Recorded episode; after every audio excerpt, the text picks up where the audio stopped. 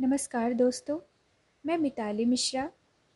आज एक स्वरचित कविता प्रस्तुत कर रही हूँ, जिसका शीर्षक है, रेशम की डोर।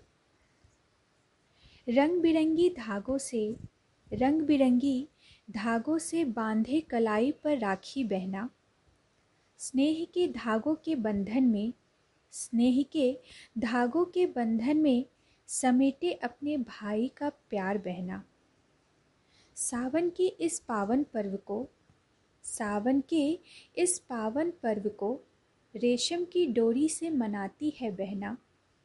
अपने भाई के सलामती की दुआ ईश्वर से मांगती है बहना। रंग बिरंगी धागों से बांधे कलाई पर राखी बहना। चाहे कितने भी गिले शिकवे हों, चाहे कितने भी गिले शिकवे हों इस कच्चे धागे की ताकत से दूर होती है हर शिकवा। बस प्यार ही रहता है इस बंधन में, और इस बंधन से ही तो छलकता है भाई बहन का प्यार। और यही तो है हमारा रक्षाबंधन का त्यौहार। धन्यवाद।